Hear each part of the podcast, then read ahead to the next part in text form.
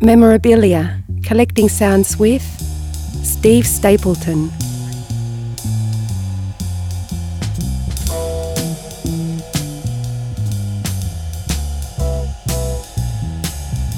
in 1971, um, I, I, was into English, what would be like English, more experimental music, rock music, like the Groundhogs or 10 Years After or this kind of thing.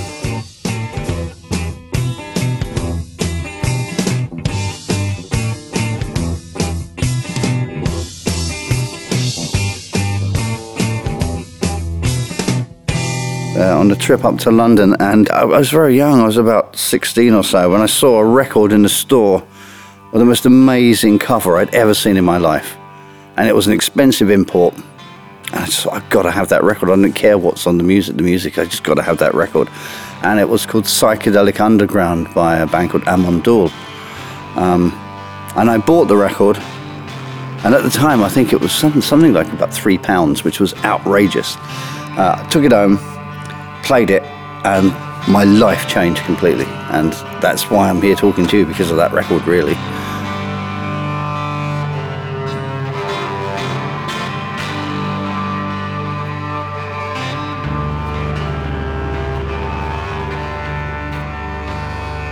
I went off on a complete different direction to this mystic, strange music that the Velvet Underground only hinted at, really and that's that was the beginning of my real fevered collecting period, and it's gone on all my life round till today.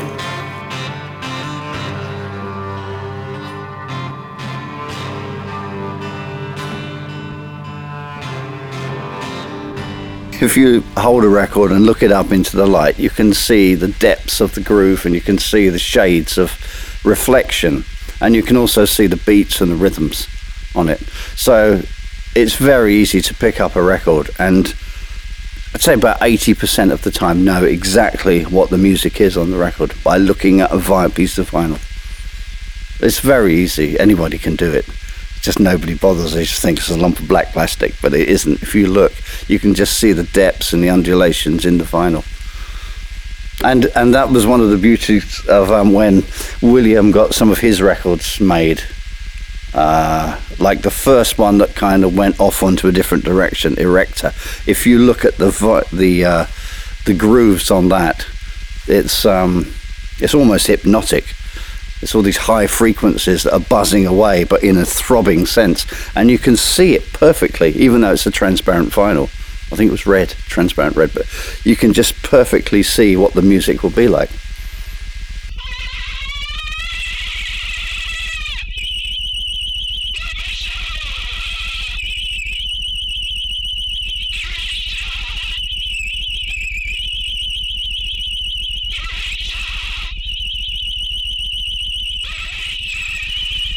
I, I love the Velvet Underground, and um, through the Velvet Underground, I got into Zappa and the Mothers, and any any left field kind of music was interesting to me. Um, of any genre, really. It didn't have to be experimental or psychedelic or, you know, I mean, I, I wasn't too keen on pop music, country music, or reggae, but pretty much anything else. I'd be interested if it was a little bit peculiar. But as I said, having bought that one record by Amon it just opened up the floodgates to a whole world which I didn't know existed of just amazing music that wasn't in the mainstream. Because a young kid, you know, you just hear what's on the radio. Um, but having said that, in 1970, 71, what was on the radio was pretty cool stuff. I mean, you got really interesting music that made it into the top 10, into the charts. You know, and even a bit later, you had things like Laurie Anderson, O Superman, which is one of the weirdest singles ever. Uh-huh. At 10 minutes long, made it to number one in England, which is uh-huh. Uh-huh. absurd. That could never happen today. Oh, Superman.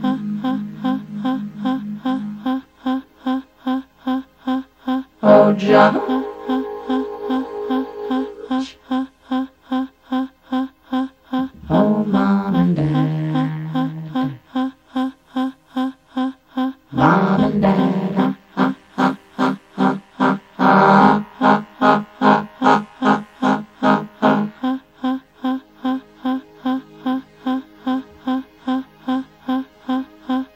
So there's all this sort of information coming at you about uh, uh, these these popular, even Pink Floyd and groups like that that were doing odd things.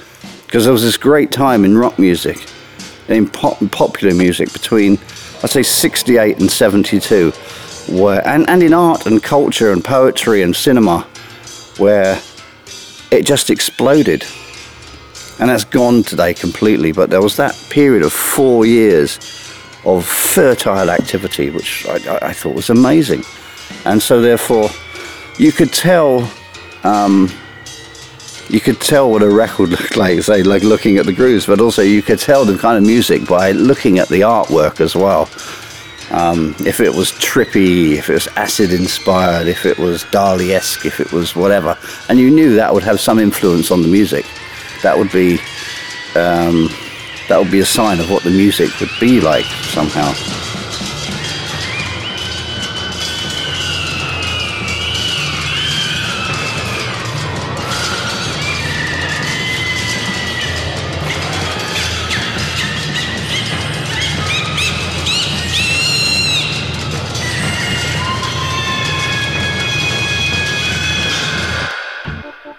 There was no information. There was no information at all. Everything you had to find out for yourself. There was obviously there was nothing like the internet. There was nothing like news sheets. There was nothing like fanzines or anything like that.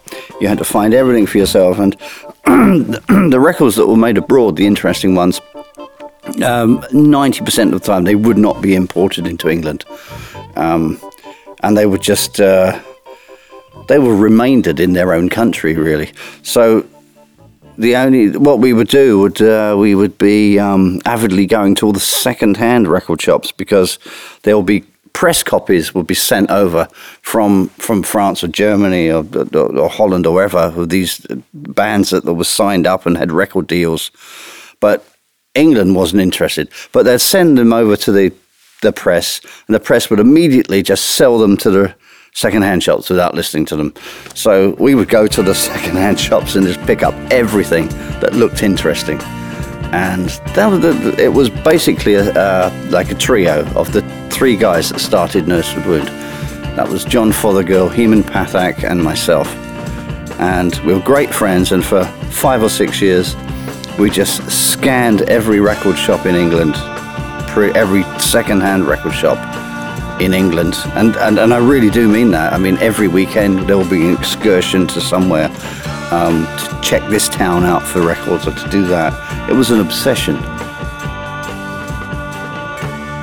And then we'd go over to the continent and we'd do Amsterdam, Holland, and uh, you know Paris, and and it was always amazing. And you go to the flea markets and you'd get uh, incredible stuff. And it was always picking up things that you had no idea what they were. And at the time, we had no idea that I was researching. It was just, it was um, being fanatical about the music and always wanting more and being more amazed by what you could find. It was, yeah. But John, uh, being uh, very well off, would always end up with a record he wanted because he would always say something like, Look, you've got those 10 records there, I'll buy you those you let me have this one. So yeah, there was always rivalry. Um, and being poor, as I say, John always got what he wanted in the end. But buying second-hand records in those days was cheap, you know, and especially buying obscure European experimental records or free jazz or whatever. Nobody wanted them. So you know, if if you wanted to buy a a second-hand Rod Stewart album, it would cost you I don't know, like two pounds. If you wanted to buy a second-hand obscure experimental album, it'll be fifty pence. So, you know, it didn't cost that much money. Although I did end up spending all my wages almost every week on on records for a, a long period of time, maybe six, seven years. I have probably about about two thousand records and about two thousand CDs but I'd say I've probably bought tens of thousands of records over the years.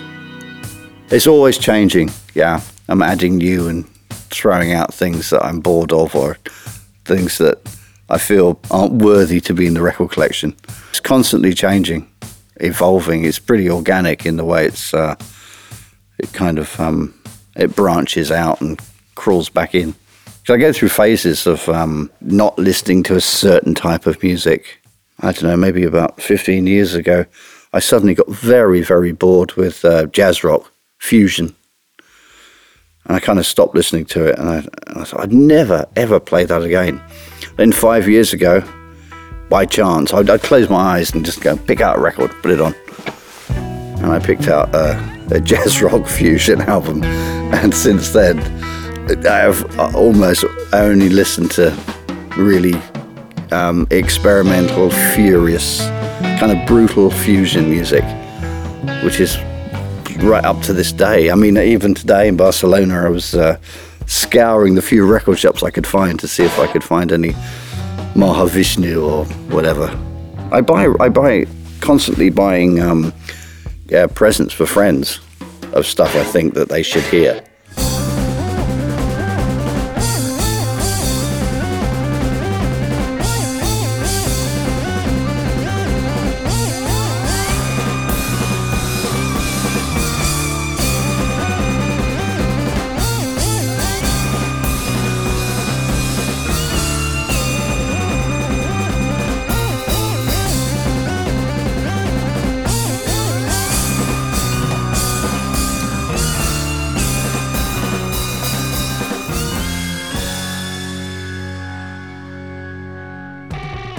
I, I would still buy a record a, for an amazing cover, not for the music within it, but just for the cover. Uh, especially some some things like some of the uh, the 50s sleeves, you know, some of the Esquivel albums or the, the more obscure Perez Prado things. Uh, I just love that that garish Technicolor look of those 50s sleeves. Um, but no, it's 99.9% is for the music, really. I'm not interested in singles in seven inches. I, I just, I, I regret. I had hundreds of singles once, very obscure krautrock singles, and uh, just some amazing things. But I went through a period of not being interested in seven-inch singles, and I gave them all away. Now I absolutely regret it. I mean, some of them are worth like 500 quid, you know, and uh, so I really regret that and also they weren't available on any records. And uh, luckily, though, on a lot of CD reissues, they normally now put A, B side singles. Um, no, it was just the 12 inch album I was interested in, really.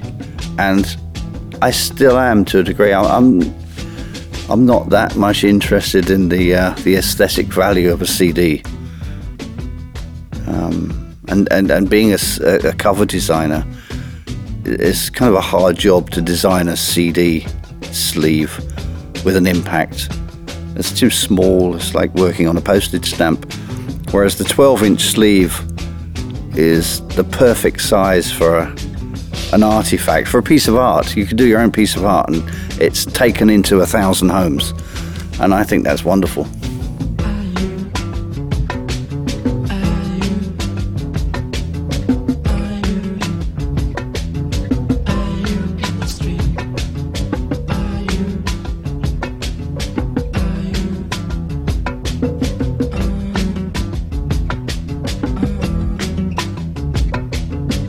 I'd say I've got many records that would probably get eight or nine hundred pounds or euros for uh, uh, obscure Italian progressive records or obscure krautrock albums. Um, yeah, I have many, many very valuable records. I don't know what the most valuable one would be. Um, uh, because the price is always changing. But something like uh, the first, the first Can album, Monster Movie, on their own label, Scheiss House Records, goes for about, I say it goes for about twelve hundred euros at the moment.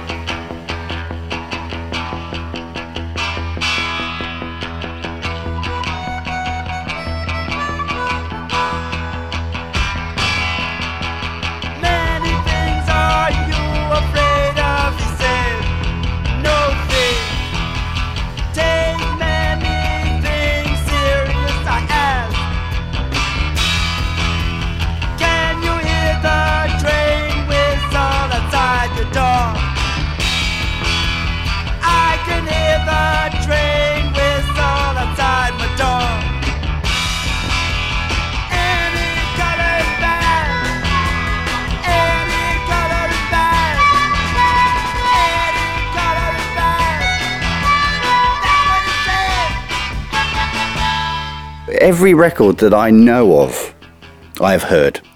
And almost every record I've ever, ever wanted to obtain, I have obtained it.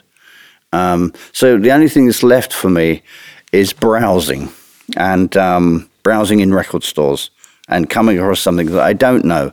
And as far as I can see, I can't do that online. I can't browse like that. I just can't go through, you know, an abstract box of records and pick something out. So, um, so I do that, but it's difficult with the diminishing record stores. Like it, it, where, where I live in Ireland, in the entire of the west of Ireland, there is no record stores. They've all gone.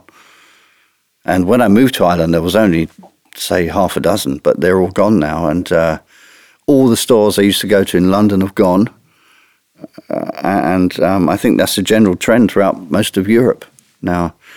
So the, the, the whole browsing thing, it, it doesn't, doesn't exist anymore, really. But I still like going to a store that does exist and just looking through just to see if there's anything interesting or that, that maybe looks interesting.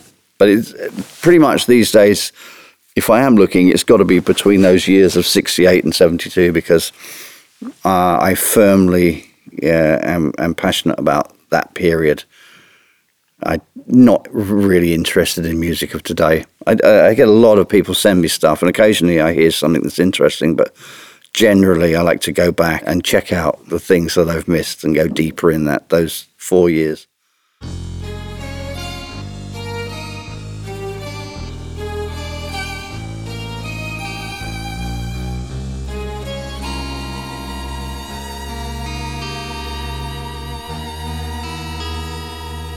I got two favourite records that um, someone asked me this recently, so I, so I know I'm prepared here. Uh, my favourite ever record is Fließbandbabys Beat-Show by Flo de Cologne.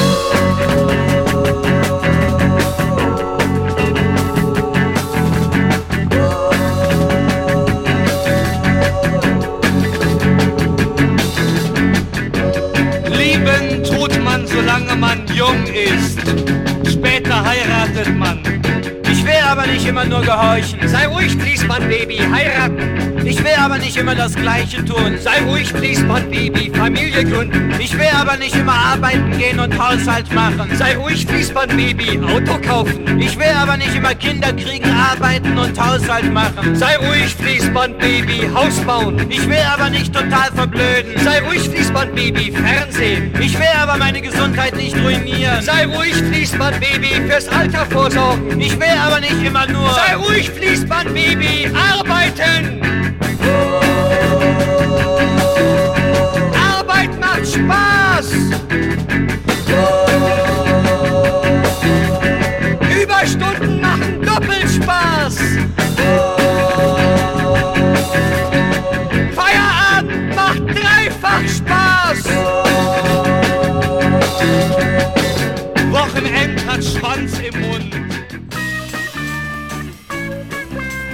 It sounds like nobody else and has a complete individual atmosphere and a mystery and it's fun and it's psychedelic and it's amateur and it's prof- professional at the same time and it's just it's completely on its own. Uh, that is my favorite record but i think the best record ever made and that was a hard one coming across thinking about that but for me personally is kangaroo by guru guru I think is, in my opinion, the best record of every genre, the best record I've ever heard.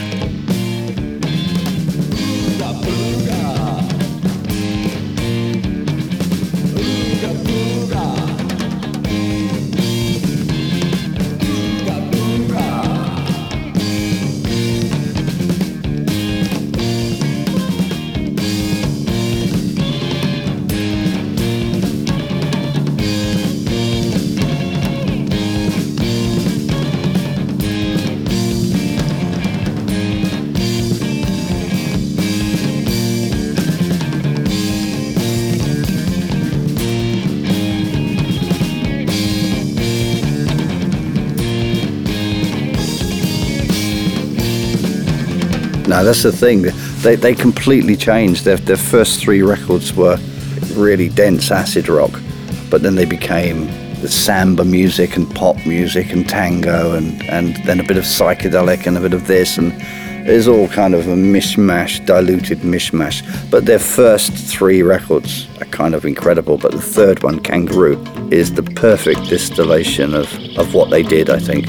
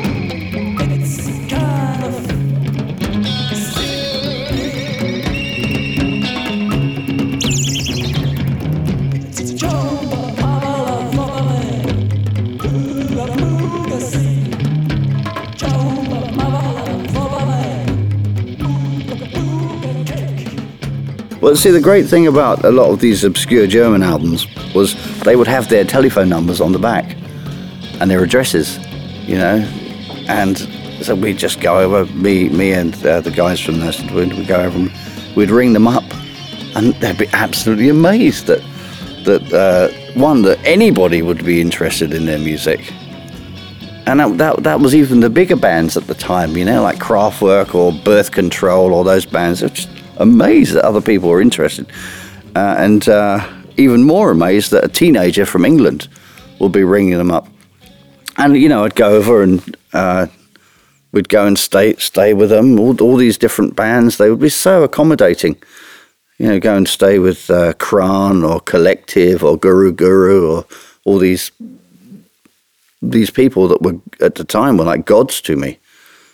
You know, and uh, they and through them I'd meet various other guys and bands and stuff, and everyone would be giving me records, and so I'd end up coming home after I don't know six months or so or whatever, just absolutely loaded with suitcases, completely full. I could barely walk. It was worth it though. It was definitely worth it. It was a it was a real fun time.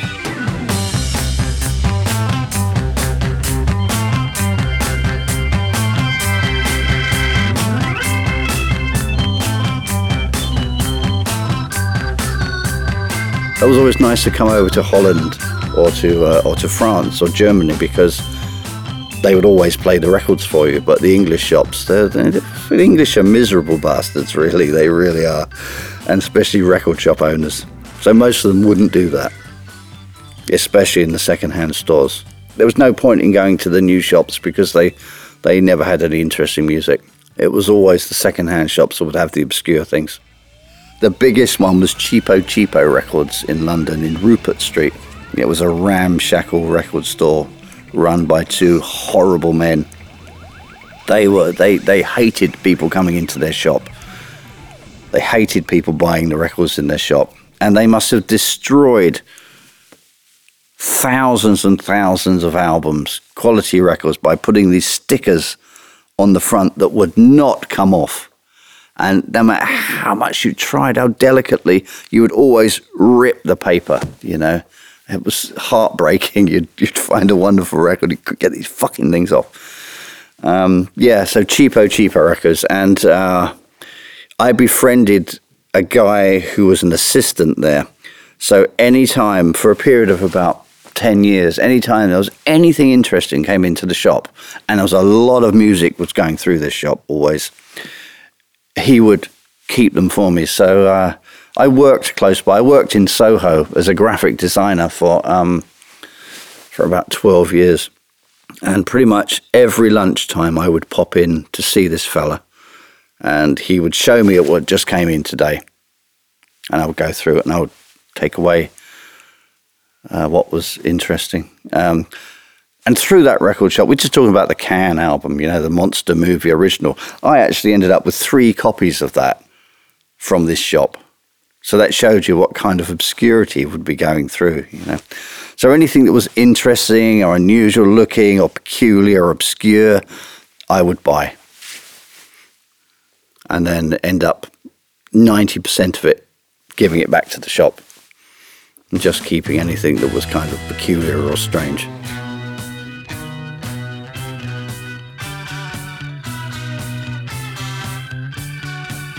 I've reached that pinnacle where I've have, uh, have every single record I ever wanted to hear, and I have a, quite an incredible knowledge of um, st- uh, studying music, amateurishly studying music from the '60s onwards. So, so I, I have no wish list.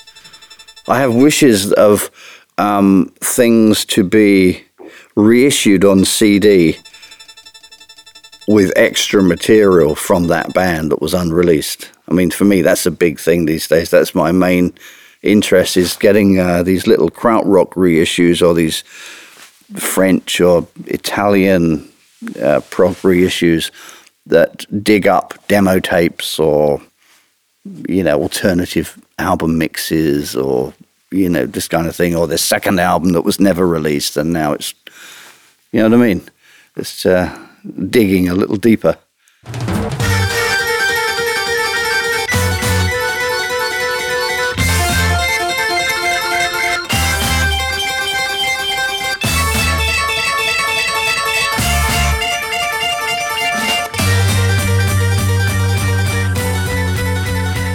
Around about 2002, I kind of lost interest in music a bit. Uh, marriage was breaking down I, I, had problems and all, all kinds of things, and I kind of lost interest in music over a period of a year. And uh, and then I heard some hip hop and rap. And I become really inspired by by some uh, female hip hop. And then I went off into a completely different direction, and uh, I become very passionate about music again. So about three or four years, I only listened to rap, to female rap music. And that was a, such a journey. That was amazing. Although, having said that, I now have gone back to listening to more experimental music and uh, um, stuff that isn't hip hop. But for a three or four year period, um, I was just listening to female hip hop, and th- there is so much there. There is so much, and it's if you travel to America and you go down to the south, and literally every street corner has got somebody selling a, a CDR of their music, their own rapping, and it was just fascinating. It was amazing. I, I ended up with, I don't know, between 800 and 1,000 CDs of um, independent rappers and it just got it, it, it just got too much. I couldn't house them anyway. I didn't know where to put them all. There was, was just too much stuff.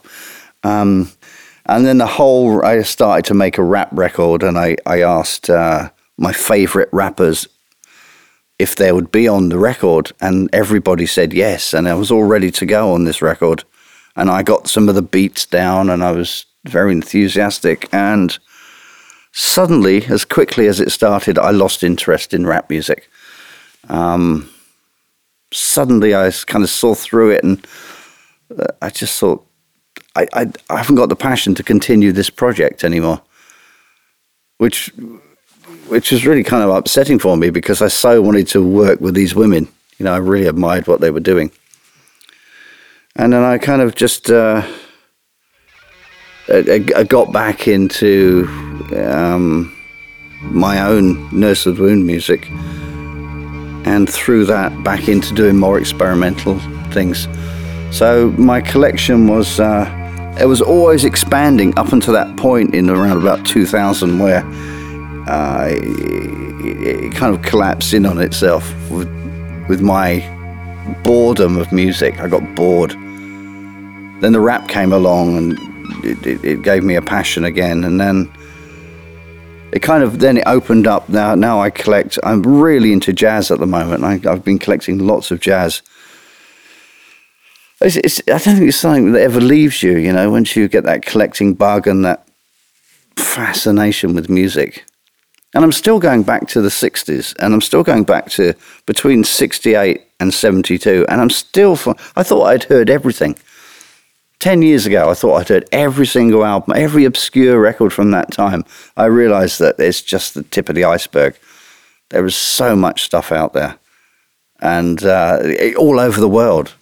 And uh, those four years, just everywhere, all over the world, from Indonesia to the Antarctic to there was amazing things happening. And I'm just starting to scratch the surface of it after literally 40 years of, of um, collecting.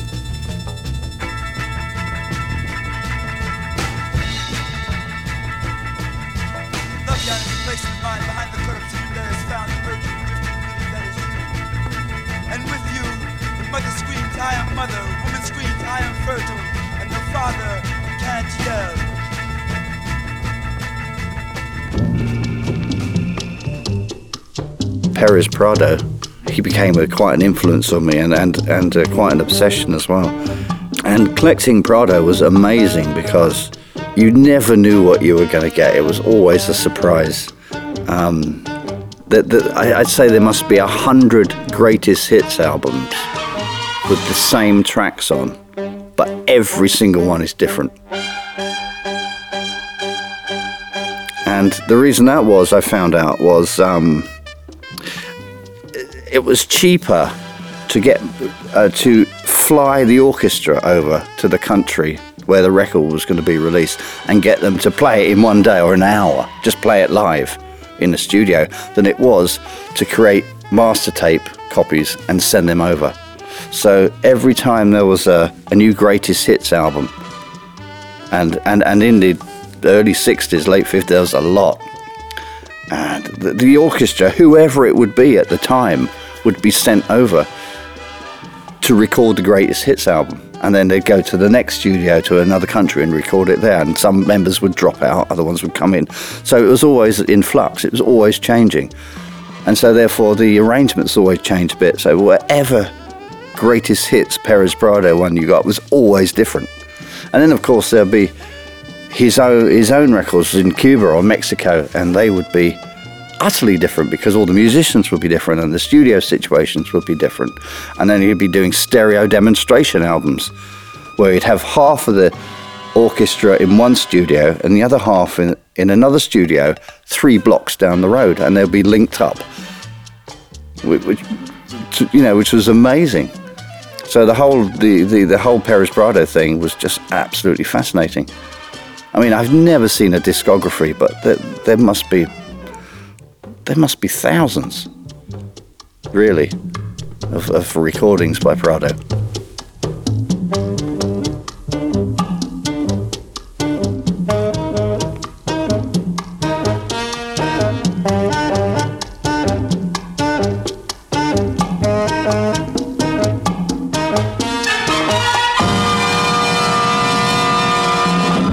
But I collect masses of stuff. I mean, I had a I had a, a painter come to my house recently and he looked around, he looked around my garden. He said, Is there anything that you don't collect, Steve? Because, you know, I, from, um, from twigs to tiles to, to hubcaps to um, marbles, glass, colored glass, uh, stones, rocks, sea, seaweed, dried seaweed. Um, just I, I, I kind of collect everything really. So my whole house is a bit like one of those um, programs you see on TV these days, reality tree hoarders, you know. But I have everything in order, so it doesn't look chaotic. But I collect all the time.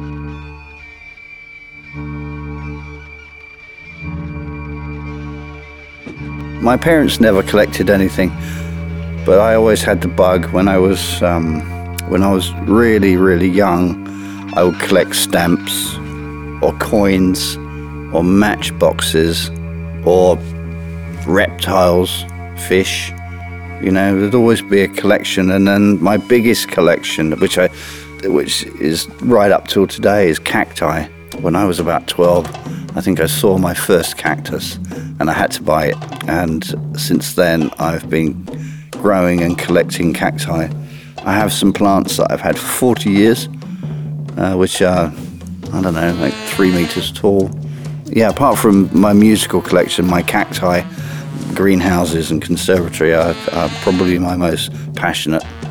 It was it was a way to get away from my family, to find my own path in life. Um, and so when I was uh, about 11 or 12, we had a tiny little room in the house which used to be a toilet, and I changed it into my room. And uh, I went into that room with all my records at the time and a tiny little bed, and I locked the door, and that was my world. I was still, I still had that room and was living there when I first met William, and uh, he came and sat in that little room and heard some of those things that influenced him and Whitehouse. But it was really, yeah, it was it was my way of uh, of finding myself and my path in life, really, through music, through records, and through shutting myself off. I always knew the first thing I knew when I was a kid was I always I knew I was going to be an artist. I, I, right from the earliest thoughts I had, I knew that was what I wanted to do, and uh, there were certain things I knew I wouldn't do in life. I wouldn't get married. I wouldn't have a mortgage, and various other things. But I always knew that I would definitely be an artist. Once you made that decision, it's kind of easy. You know, you just you go ahead and, and you do it. But I, you know, I'm, I'm not a musician. I, I, I can't play anything um, at, at all. Uh, but the uh, the the bridge from listening to music to making it, uh, I was kind of I was kind of pushed into it. Really, I had no interest in making music myself. There was too much out there anyway, you know, and there was you, you could always you could always dig deeper and always find interesting stuff, and it was always amazing. So why did I need to make it? And then I've repeated this story several times in, in interviews, but uh, basically, I just found myself in a, in a position where someone offered me some studio time, and uh, and I just thought, well, why not? You know, it's gonna it's gonna cost it's gonna cost fifty quid, and they're offering us a really good studio, and we could just do whatever we wanted and see what happened. And that's how the first album came around. So it was it was an easy jump, really. Um, although it wasn't on the cards, I didn't expect it, and I certainly didn't expect to go into a studio and come out with a record after two days. I honestly didn't think that was going to happen. I just thought we'd make a few noises and and that'll be that. And we'd never go back in we'd never listen to them. But um, we just three of us sat back and we listened to what we had made, and we couldn't believe it. We thought it was great at the time. We thought, wow, wow, this is amazing.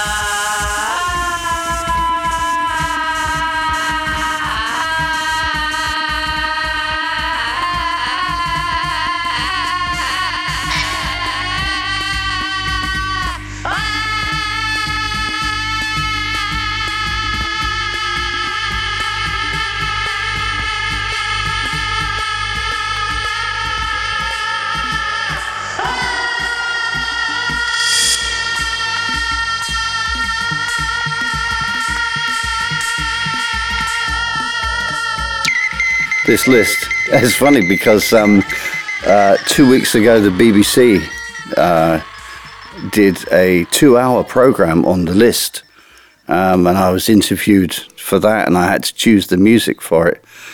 Um, and they told me there's a there's a, over a dozen websites just devoted to the list, and it's amazing. It's like this Frankenstein monster that I've created without realizing it. It's really strange, but occasionally you meet people um, uh, whose band is on the list or who are on the list, and they they're they're over the moon that they're on the list. It's almost like more important to be on the list that list to be on any than any other list or whatever.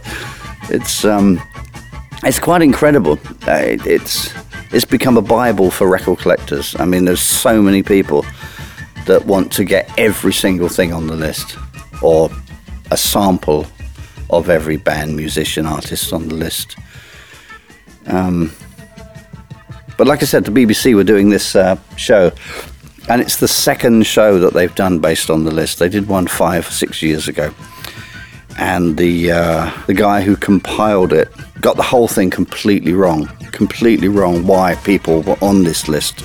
Uh, they didn't contact me about it. They just went ahead and did it by themselves. But they were doing things like um, uh, they say, well, Kraftwerk are on the list. So here's a track from Kraftwerk, and they were playing "I Am the Robots." And I, I just I hate I hate Kraftwerk after about the third album or something. I really that pop music that it, it just doesn't interest me at all. But they were on the list because of the first record, and the BBC kept getting it wrong, and they, they would play some dreadful music, and I, I, was I was horrified at what they did, and I always thought that if they did another program, I'd like to be involved. And sure enough, they, they, they rang me up about three months ago, and it took three months in preparation, and we really got a good program together, where I picked all the music, and uh, um, hopefully it was fun to listen to as well it was basically it was the idea was um, there was a there was a record. Um, one of the, my biggest influences was a uh, a German guy called um, Wolfgang Dauner, and uh, he had his own band called Etc. And he was a very big name in the jazz field in Munich, south of Germany. And he had this record that he called Four or Fur in Germany and it was dedicated to everybody that influenced him or he loved. And the whole cover was just a black with red lettering with hundreds of names. And we just thought, when we when we um, did the first album, it'd be amazing to do something like that. To actually, so it's not an original idea at all. Uh, it came from him, uh, and uh, we, we we spent months, uh, John Fothergill and myself arguing about who should be on the list and who shouldn't be.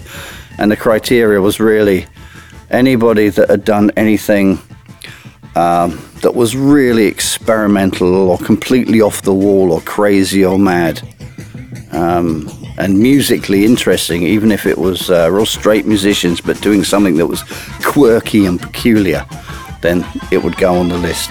I mean, looking back today, there's a lot of things that should have been on the list, but our knowledge was limited at the time. I, you know, I, I cannot believe that we didn't put Miles Davis down, for instance, on the list, which is like outrageous. But um, at the time, we we weren't aware of Miles Davis, so it was just um, it was where we were at that time, and they were our influences. Um, but it, it, was it was audio influences because you know we weren't musicians, we weren't artists, we weren't anything. We were just fans, really, and uh, it was a little bit of a thank you to all those people for giving us the inspiration to go and try something and do something.